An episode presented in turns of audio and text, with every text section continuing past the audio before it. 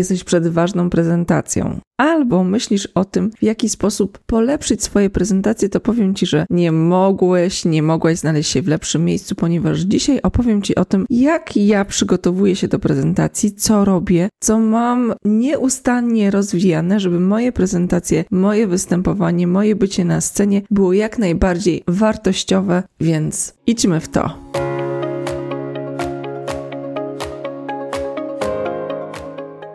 Cieszę się goszcząc się w kolejnym odcinku podcastu. Ja nazywam się Angelika Chimkowska i jestem osobą, która stworzyła ten podcast Silna Marka w praktyce. Naprawdę dla mnie najważniejsze jest, żeby to, co tutaj mówię, o czym opowiadam, było do zastosowania w praktyce i żeby rozwijało Twoją silną markę osobistą i firmową. Dlatego w tym podcaście to nie są długie, rozwleczone wywiady, gdzie słuchasz półtora godziny po to, żeby wyciągnąć dwie myśli. Wręcz wręcz odwrotnie. Konkrety, działanie, dlatego koniecznie zasubskrybuj ten podcast, wejdź do notatek i zacznij działać, bo mój cel to zero bullshit bingo i same konkrety.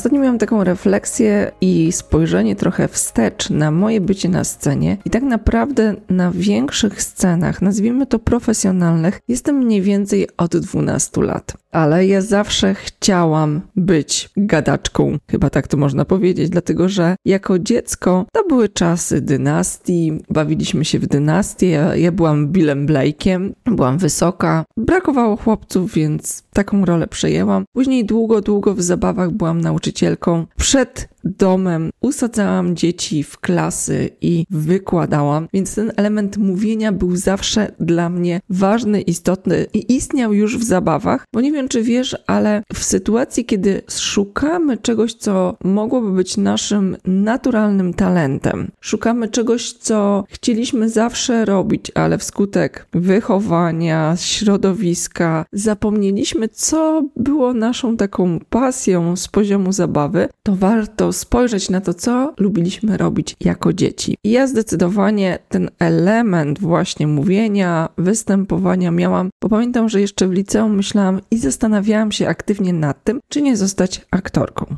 Tą ścieżkę porzuciłam, przez długi czas pracowałam w biznesie. Później w 2010 roku mniej więcej w korporacji, w której pracowałam, trafiła mi się taka przygoda, żeby wejść w taki międzynarodowy program Train the Trainers i tam zaczęłam zajmować się trenerką. No od trenerki już bardzo blisko do sceny i moja historia jest taka, że w 2012 roku usłyszałam o czymś takim, że Stowarzyszenie Profesjonalnych Mówców ogłasza konkurs, w którym można przyjść, wygłosić mowę i w nagrodę stać się członkinią Stowarzyszenia Profesjonalnych Mówców. I ja, skracając już całą historię, taką mowę wygrałam i w ten sposób zaczęła się dla mnie profesjonalna przygoda z byciem na scenie. I w tym odcinku podcastu chciałabym Cię zainspirować mm, swoim doświadczeniem i tym, w jaki sposób pracuję z prezentacją do wypracowania sobie swojej ścieżki. I może masz ochotę tak zrobić, że skopiujesz jeden do jednego. Nie mam nic przeciwko temu, po to się dzielę tą wiedzą, żeby ona była użyteczna. Natomiast myślę, że coś, co jest najbardziej użyteczne, to wypracowanie sobie własnego systemu, więc niech to, co mówię, będzie dla ciebie inspiracją. I zdecydowanie mogę powiedzieć, że powstało mnóstwo świetnych książek, powstało mnóstwo świetnych kursów i naprawdę jest bardzo dużo treści o tym, jak występować. I szkoleń również. Ja, mając przed sobą 20 minut, mniej więcej, oczywiście nie wypełnię luki albo nie będę konkurencją do tych wszystkich materiałów, ale raczej chcę pokazać Ci prosty sposób myślenia o prezentacji. Dlatego podzielimy tą prezentację na takie trzy kroki. Przed slajdami, slajdy i po slajdach. I najważniejsza rzecz, chcę powiedzieć, że prezentacja to nie slajdy. Bo dla wielu osób, szczególnie w biznesie, jeżeli ktoś myśli, będę miał prezentację, to myśli od razu, będę robił slajdy i siada do robienia slajdów. I to jest jeden z najgorszych błędów, najczęściej popełnianych, więc jeżeli to robisz, nie musisz czuć się winny, winna, ale chcę ci powiedzieć, że to jest zły nawyk, który prawdopodobnie zupełnie bez refleksji powielasz, bo Prezentacja to jest to, co prezentujesz, to jest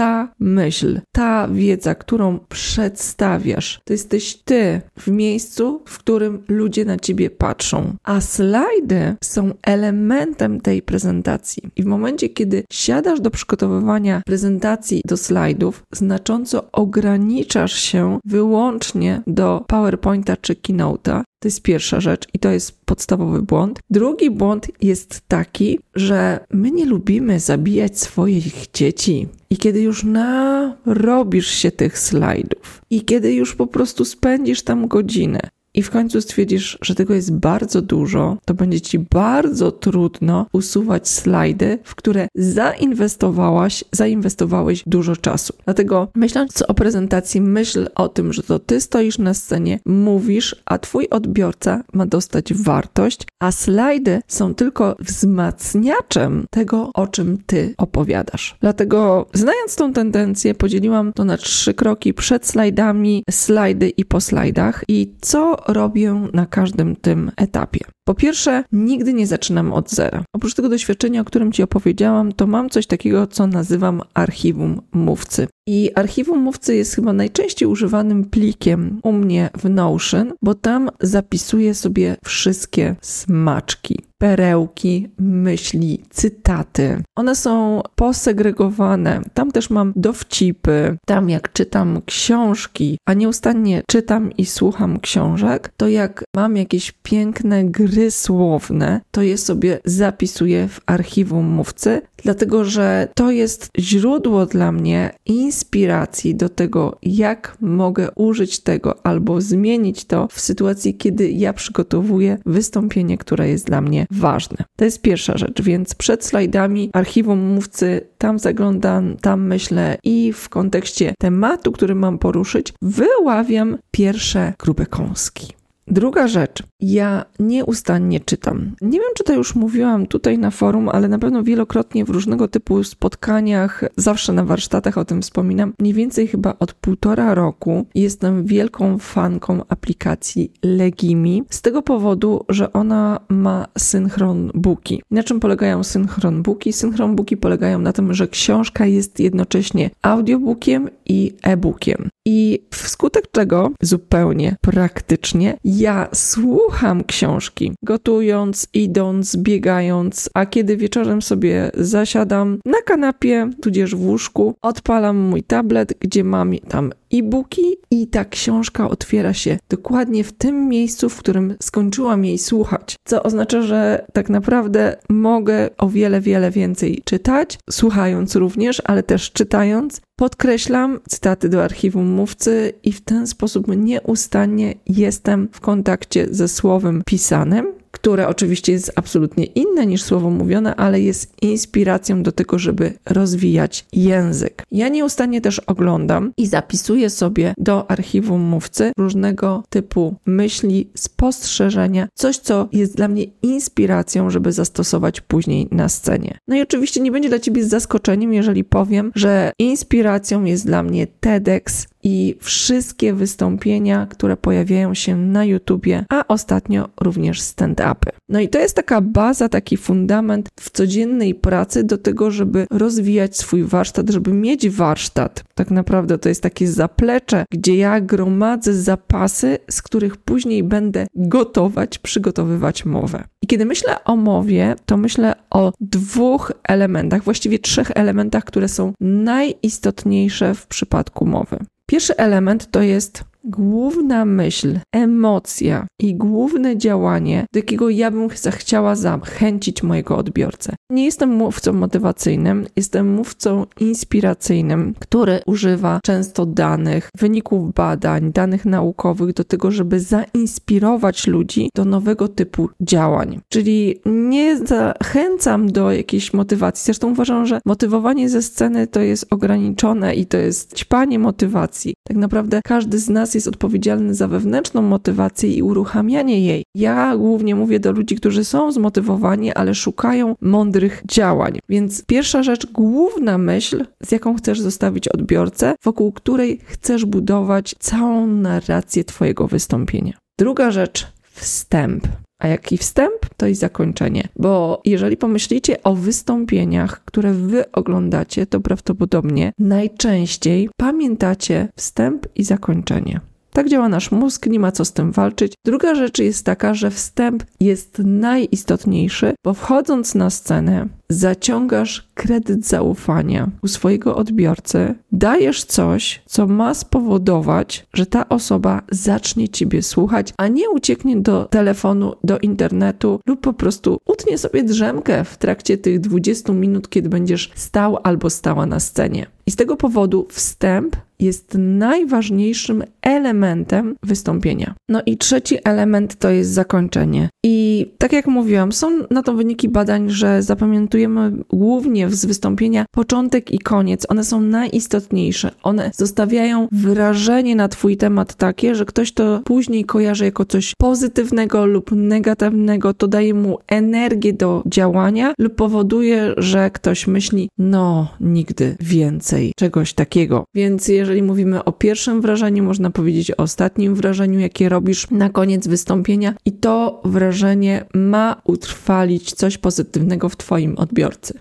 I takie jest zadanie zakończenia, dlatego warto, naprawdę warto zadbać o to, żeby to było pozytywne i spójne z główną myślą, którą chcesz dać w swoim wystąpieniu. I w tym elemencie przed slajdami ja układam narrację wystąpienia. I ta narracja wystąpienia jest w trzech często blokach: wstęp, środek, zakończenie. Już wiecie, które są najważniejsze. I najczęściej układam ją w postaci post-itów, na których wypisuję wszystkie myśli, wszystkie elementy, które powinny pojawić się w wystąpieniu. I to oznacza, że ja najpierw sobie to mówię, układam, wyrzucam, dodaję i na tym pracuję. I to czasem zajmuje tydzień, czasem dwa, czasem jeden dzień. To zależy od tego, czy to jest świeże wystąpienie, temat, na którym jeszcze nie pracowałam. Na to składa się wiele elementów, ale tak naprawdę chcę, żebyście wiedzieli, że dobra mowa, dobre wystąpienie na scenie to jest mniej więcej miesiąc pracy. I to nie jest łatwe, dlatego nie frustrujcie się, że jeżeli wasze wystąpienie, na które poświęciliście dwie godziny wieczorem po pracy, nie jest podobne do tego wystąpienia, które widzicie na scenie TEDxa. O tym, jak przygotowywałam się do TEDxa, jak występowałam na TEDxie, no już opowiadałam chyba wielokrotnie, więc nie będę o tym opowiadać, natomiast wiedzcie, TEDx i przygotowanie do TEDxa to jest mniej więcej półroczny proces. No i kiedy to wszystko w tym pierwszym kroku mamy przygotowane, jest moment, żeby zacząć przygotowywać slajdy. I kiedy myślę o slajdach, to zanim w ogóle slajdy i zanim przeniesienie tak naprawdę tych myśli z post-itów na slajdy,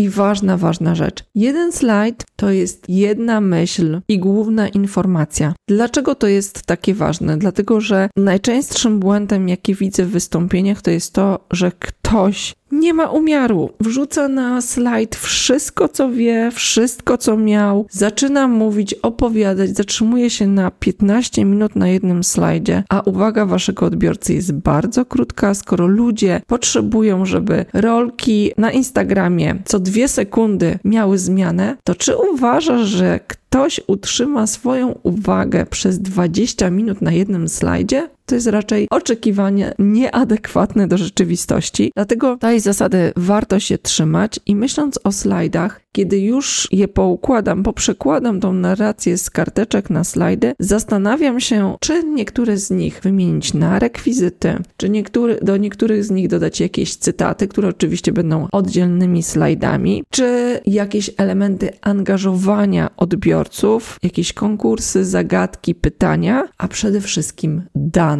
Dane, szczególnie w tej dziedzinie, której ja się zajmuję, są czymś, co przyciągają uwagę, czymś, co powoduje, że ludzie na nowo wchodzą w prezentację, więc grzechem nie byłoby tego nie użyć. No kiedy mam już mniej więcej slajdy, i uwaga, to nie jest moment, w którym ja dopracowuję slajdy, kiedy ja pracuję nad wielkością fontów, nad stylem i tak dalej. Dopiero mam poukładaną tak naprawdę narrację na slajdach, i to wchodzimy do trzeciego etapu po slajdach. Czyli są już slajdy, ja zaczynam opowiadać, trenować, występować, tylko i wyłącznie mówiąc do okna szafy, chodząc po pokoju i opowiadając, i zastanawiając się, które elementy są źle dopracowane, źle opowiedziane i tego się uczę. I dopiero później, kiedy już to mam, kiedy mam pewną biegłość i uwaga, nigdy nie uczę się prezentacji na pamięć, raczej wyznaczam sobie takie szczyty, kamienie milowe, po których się poruszą z tą narracją i staram się zapamiętać, jakie bramki muszę minąć, w którym momencie, po to, żeby ten przekaz nie stracił na mocy.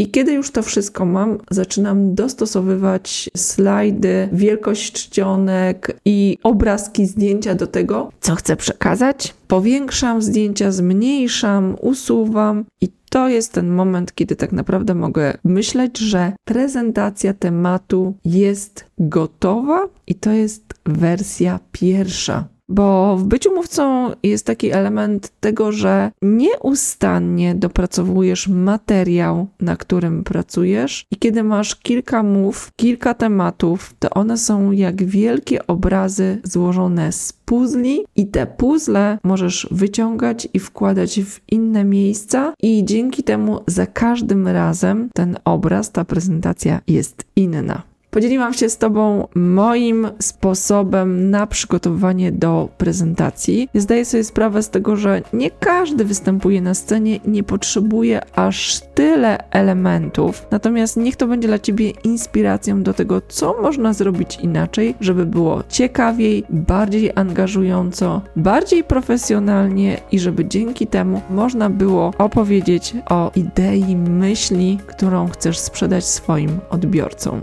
To jest drugi odcinek z cyklu o wystąpieniach publicznych. Jeżeli nie słuchałeś, nie słuchałaś wcześniejszego, to koniecznie zajrzyj do niego, bo tam masz elementy, o których dzisiaj nie mówiłam, a to razem tworzy fajną całość. Przypominam, że jesteśmy w sezonie Silna Marka Lidera, a wcześniej są jeszcze trzy inne sezony poświęcone tematowi LinkedIna, marki osobistej i social sellingu, więc koniecznie, jeżeli te tematy są są dla Ciebie ważne, to do nich wróć, zasubskrybuj ten podcast, bo kolejna wiedza krok po kroku będzie przekazywana. No i do usłyszenia w kolejnym odcinku podcastu.